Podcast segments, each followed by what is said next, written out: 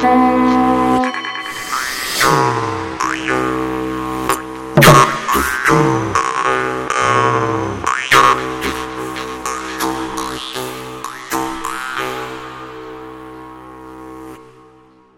dienu jums teica tradicionālās kultūras raidījuma laika ritu raksta vadītāja Iveta Medene.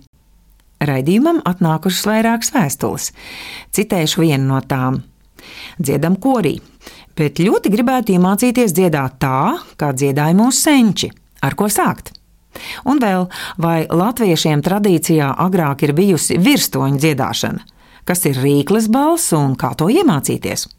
Un vēstules beigās jaunieši lūdz studijā uzaicināt cilvēkus, kuri praktiski varētu nodemonstrēt un pastāstīt par šiem dziedāšanas veidiem, jo, cik noprotu, ir nobrieduši paši veidot savu dziedāšanas grupu.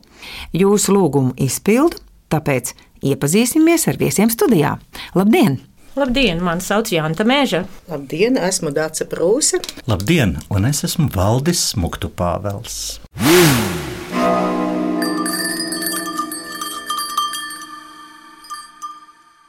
Ļoti patīkami jūs, Janta, Dace un Valdi, redzēt un dzirdēt radio studijā, bet tad bez liekām runām ķersimies klāt pie pirmā klausītāja jautājuma. Izstāstiet, kas tad īsti ir virstoņu dziedāšana? Pēc būtības tas, ko sauc par virstoņu dziedāšanu, ir tāds mazliet smalkāks vokalizēšanas paņēmiens, izmantojot tādu vienu burvīgu skaņas īpašību, ka tā skaņa, kas rodas no naturāliem dabiskiem priekšmetiem, ieskaitot cilvēka balssaites, tā nav viena sinusoidāla svārstībiņa, bet tas ir liels, sarežģīts universs, vesela pasaule. Viena skaņa ir pasaule jau.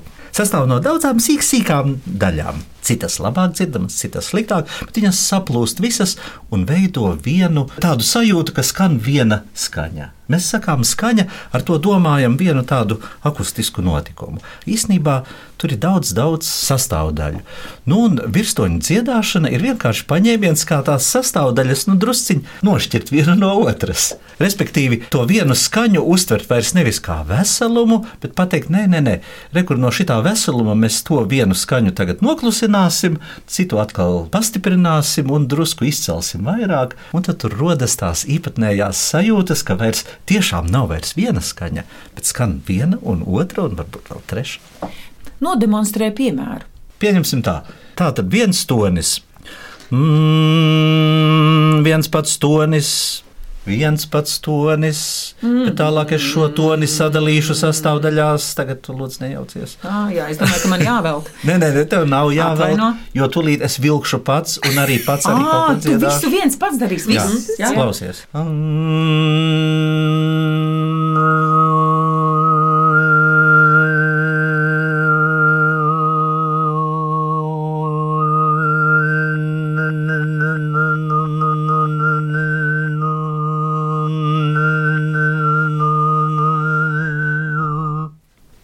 vilciens, un bija arī tā, tādi Debšķi. virstonīši, kas bija pastiprināti vairāk. Es vienkārši esmu laimīga, ka es atrodos šajā studijā un dzirdu kaut ko tik brīnišķīgu. Es nezināju, ka tu to dari. Man to tikai Janta pateica priekšā, tāpēc vispār šis raidījums notiek. Paldies! Daci, lūdzu, turpini! Mm, jā, un tas bija tik skaisti, ka man pat grūti turpināt. Ļoti skaisti valdes pateica par to skaņas daudzveidību, to skaņas biezumu, spektru. Es zinu, ka nometnēs arī Zana pat ir ar aparātiem to analizējusi un rādījusi, kā tas viss notiek. Bet uh, man šķiet, ka šobrīd ņemot vērā, ka mums tas liekas, ja, ja viņu tik ļoti spilgti parāda, tad, protams, mēs saprotam, kas notiek. Bet, ja tas spektrs ir saistīts un mēs neatdalām tik tīri to būšanu, tad burdona dziedāšanā vien jau uz patskaņiem viņi veidojas dabiskā ceļā. Un tie, kas ir praktizējuši, tie visi ar to ir saskārušies, ka to pašu e var nodziedāt nu, tādu izsmērētu, ja, un tad pat laikā, ja tad, kad viņš savācās, viņš iedod pilnīgi tādu telpas sajūtu, kur tam tekstam pilnīgi rezonēt un atskanēt, un saskanēšana tajā brīdī ir. Un ja mēs to e, ja mēs ņemam e, Ja, starp citu, tās ēskaņas ļoti raksturīgas arī vīriešu dziedāšanai. Ļoti daudz viņa, kad platas tādas pozīcijas apņem, sevišķi pie plato ē, kur nāk, un līdz ī tajā gammā atkal ē, i, i.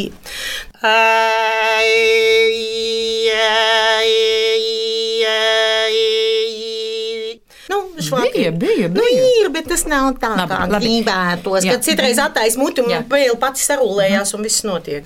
Jā, ja mēs kā vingrinājam, ejam tad caur ng skaņu, un tajā vietā viņu pamazām var vaļā, bet ļoti daudz nozīmē tieši caur patskaņiem, caur dikciju, caur lūpu dikciju nāk ārā. Jo, ja mēs, piemēram, uz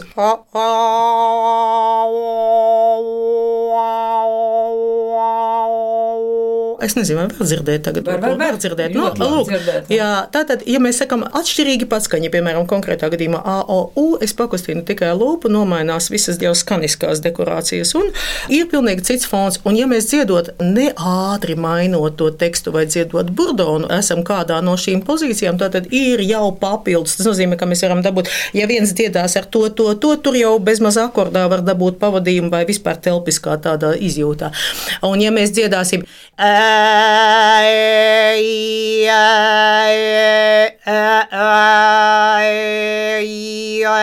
daudz uz īpa procentos, respektīvi tikai mēle kustās, ej, atkal veidojas vesela cita to toņu gama atkarībā no patskaņa.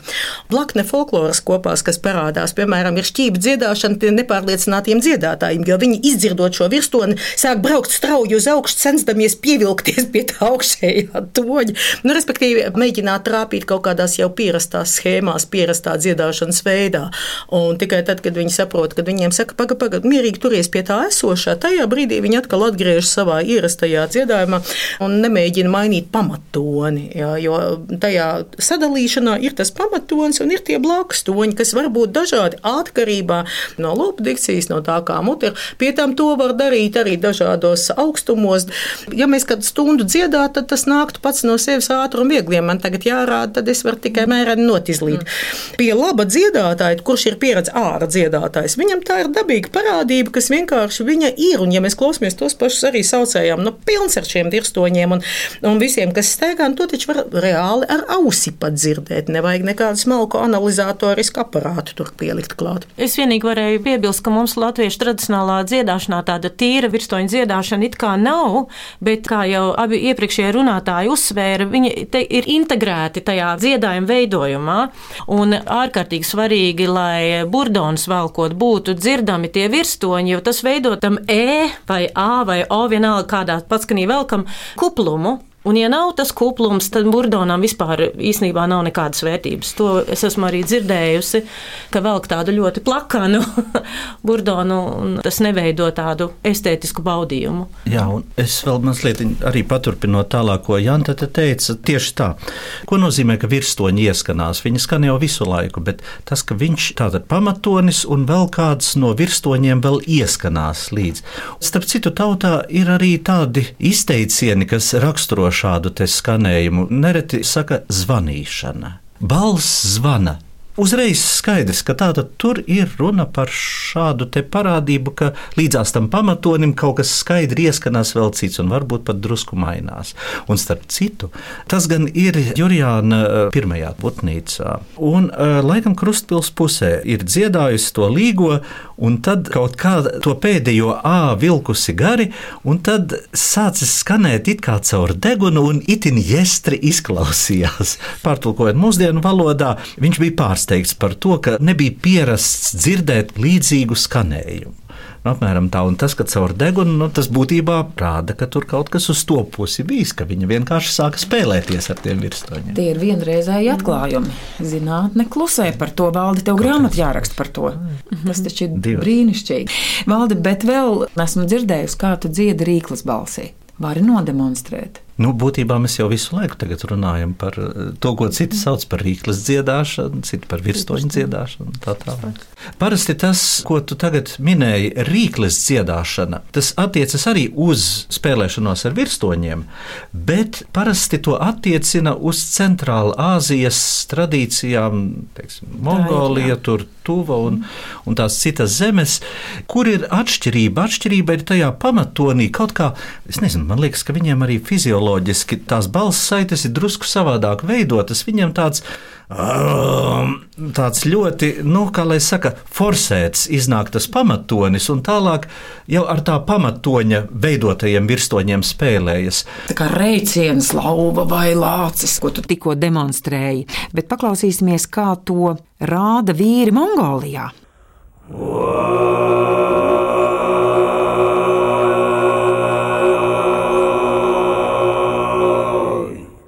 Un atkal par vīriešu dziedāju balss priekšrocībām attiecīgi, jo nu, man liekas, ka tā ir uh, vēl lielāka tā dinamika, tās iespējas no līdz dabūt visu tā. Redz, tur ir tāda lieta, ka tie virstoņi, tātad mums ir pamatonis, pirmais virstonis oktāva augstāk, tad oktāva un kvinta, tad divas oktāvas, un tad divas oktāvas un terca un tā tālāk. Tātad tas nozīmē, ka tie virstoņi aiziet jau tajā reģistrā, kas mums jau kļūst spiedzīgs un sīcošs. Jo zemāks pamatonis, jo labāk mēs tos virstoņus varam dzirdēt. Tāpēc vīriešiem nedaudz priekšrocība ir. Bet mazajā oktāvā tu tāpat vari paņemt Jā. pamatoni, dziedāt, un tas viss notiek. Kad māsas dzied ar brāļiem, tad paņēmienus pārmanto visvisādos veidos. Redziet, man jāpasaka, piemērs, ka tam stimulam reizēm nu, ir jābūt stimulam kādam, bet viņš var būt arī neliels. Un, piemēram, iz mūsu ģimenes dzīves, tad, kad jaunākā meita rasa maziņa vēl bija, tad es viņu midzināju dūcot šo te ar virstoņiem. Un viņa ļoti labi aizmiga. Bet tad, kad manis nebija mājās, ko mana sieva Rūta darīja, viņa bija spiesta to pašu darīt. Un līdz ar to viņa arī dziedāja virstoņus, lai rasa iemiktu. Brīnišķīgi.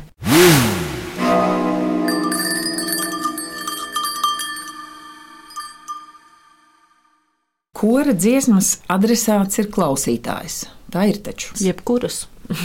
Nu, jā, bet dziesmas. uh, tradicionālajā kultūrā dziesmas vēršas pie dabas, meža, pļavas, Dieva. dieva. Jā.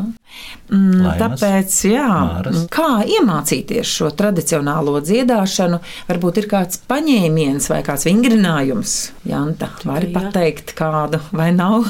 Ir jādzied, tikai jādzied, bet, lai iemācītos tieši kā mūsu iepriekšējās paudzēs dziedāja, ir ļoti vērts klausīties ierakstus, kur var dzirdēt, kā viņi dziedājuši. Mums tiešām folkloras krātuvē ir ļoti daudz ieraksti, jo mēs jau pie tā šodien pieskārāmies. Nošu pieraksts viens, bet reālais dziedājums tieši visa tā ritmika, attieksme pret tekstu, kas ir ļoti svarīga. Ja? Kad tu nevis dziedi vienkārši tikai skaitot kaut kādus vārdus, bet tu iejūties tajā tekstā, līdz pārdzīvot to. Tad no es tevi provocēju pašreiz, kā tu vienu un to pašu dziesmu dziedātu kā koriste un kā tu to pašu dziedātu kā folkloriste. Aha. Vari nodemonstrēt, tas būtu interesanti dzirdēt. Nu jā, tā ir mana pašreizējā dzīves realitāte. Es dziedu ne tikai tradicionālā dziedāšanas grupā saucējus, bet arī korī. Un es tiešām katru nedēļu to iekšēji pārdzīvoju, ja, kā man tur ir jāsaliek tā valsts, lai es varētu gan tā, gan tā Jā, jo tās ir es dziedāšanas, Uz vienu no, mēģinājumu mm -hmm. dziedu ar saucējiem,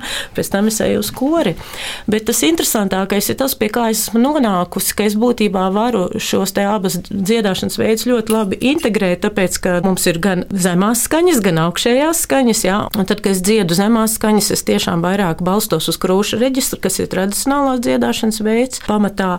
Un tad, kad ir um, augstas skaņas jādzied, tad, protams, tā ir galvas reģistra dziedāšana, kas vairāk ir raksturīga mūsu koru kultūrai. Tā ka, nu, es pagaidām vēl neesmu izlidināta no tā kora. Bet es gaidu no tevis piemēru. Jā. Kur tu skriesi, vanadzīņi, ar tiem vaskos pārniņām, kur tu skriesi, vanadzīņi,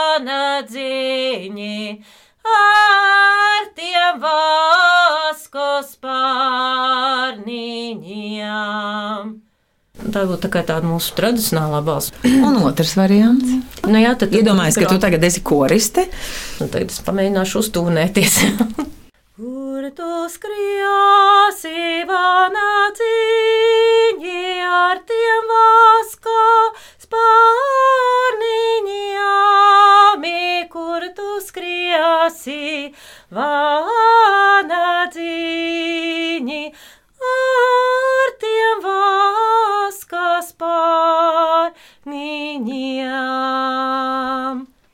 Nu šeit jau es tomēr dziedu tajā galvas reģistrā. Bet, nu, protams, es nevaru iziet no sevis. Mana balss ir unikāla, tā pieder tikai man, un es domāju, ka gan vienā, gan otrā dziedāšanas veidā var dzirdēt manu individualitāti. Vai man izdevās pāriet uz to galvas reģistru? Tā starpība šī gadījumā nav reģistros.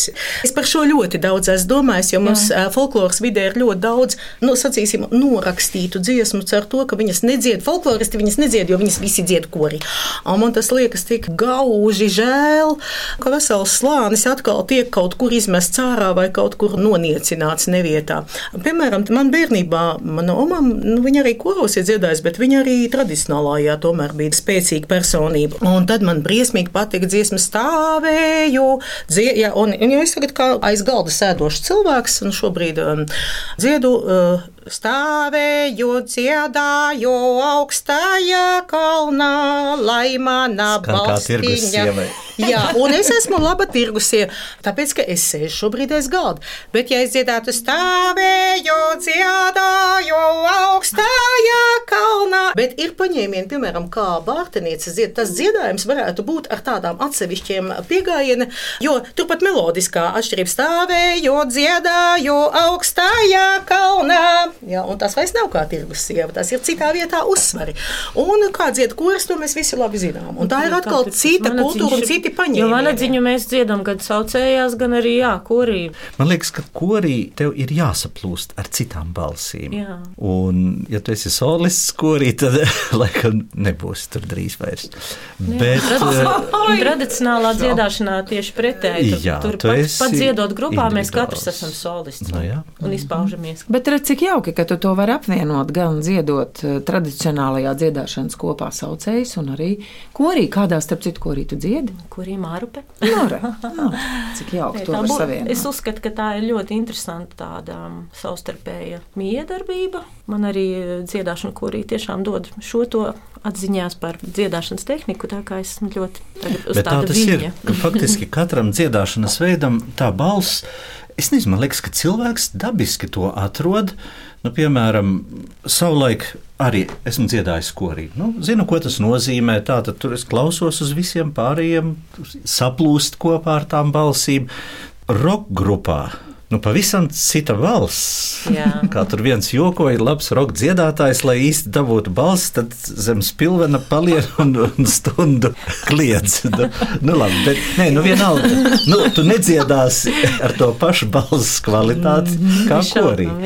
Un, protams, tad, kad es dziedāšu kaut kādus balsus vai vēl ko, tad man uzreiz pēc tam cita balss kvalitāte. Viena no manām meitām vada pankroka grupu. Un es viņai saku, ai, kā es gribu kopā ar tevi nodziedāt tavā stilā. Viņa saka, labi, mamma, būs kaut kad. Bet to stilu var dabūt reizēm tikai nomainot savu izskatu. Teiksim, uztaisi grebeni, tur attiecīgi tērpu un, un, un balss izmainīsies. Labi, es pie tā piestrādāšu. Labu iztēli.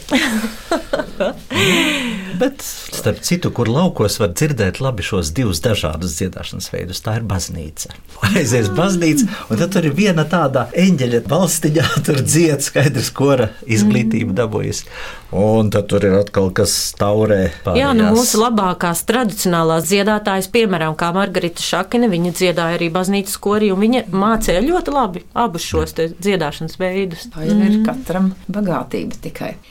Redījums jābeidz, ar jums ir ļoti interesanti būt kopā un dziedāt un sarunāties. Un tik daudz jaunu es arī uzzināju caur šiem jautājumiem, ko uzdod jaunieši. Nu, arī interesē šī lieta.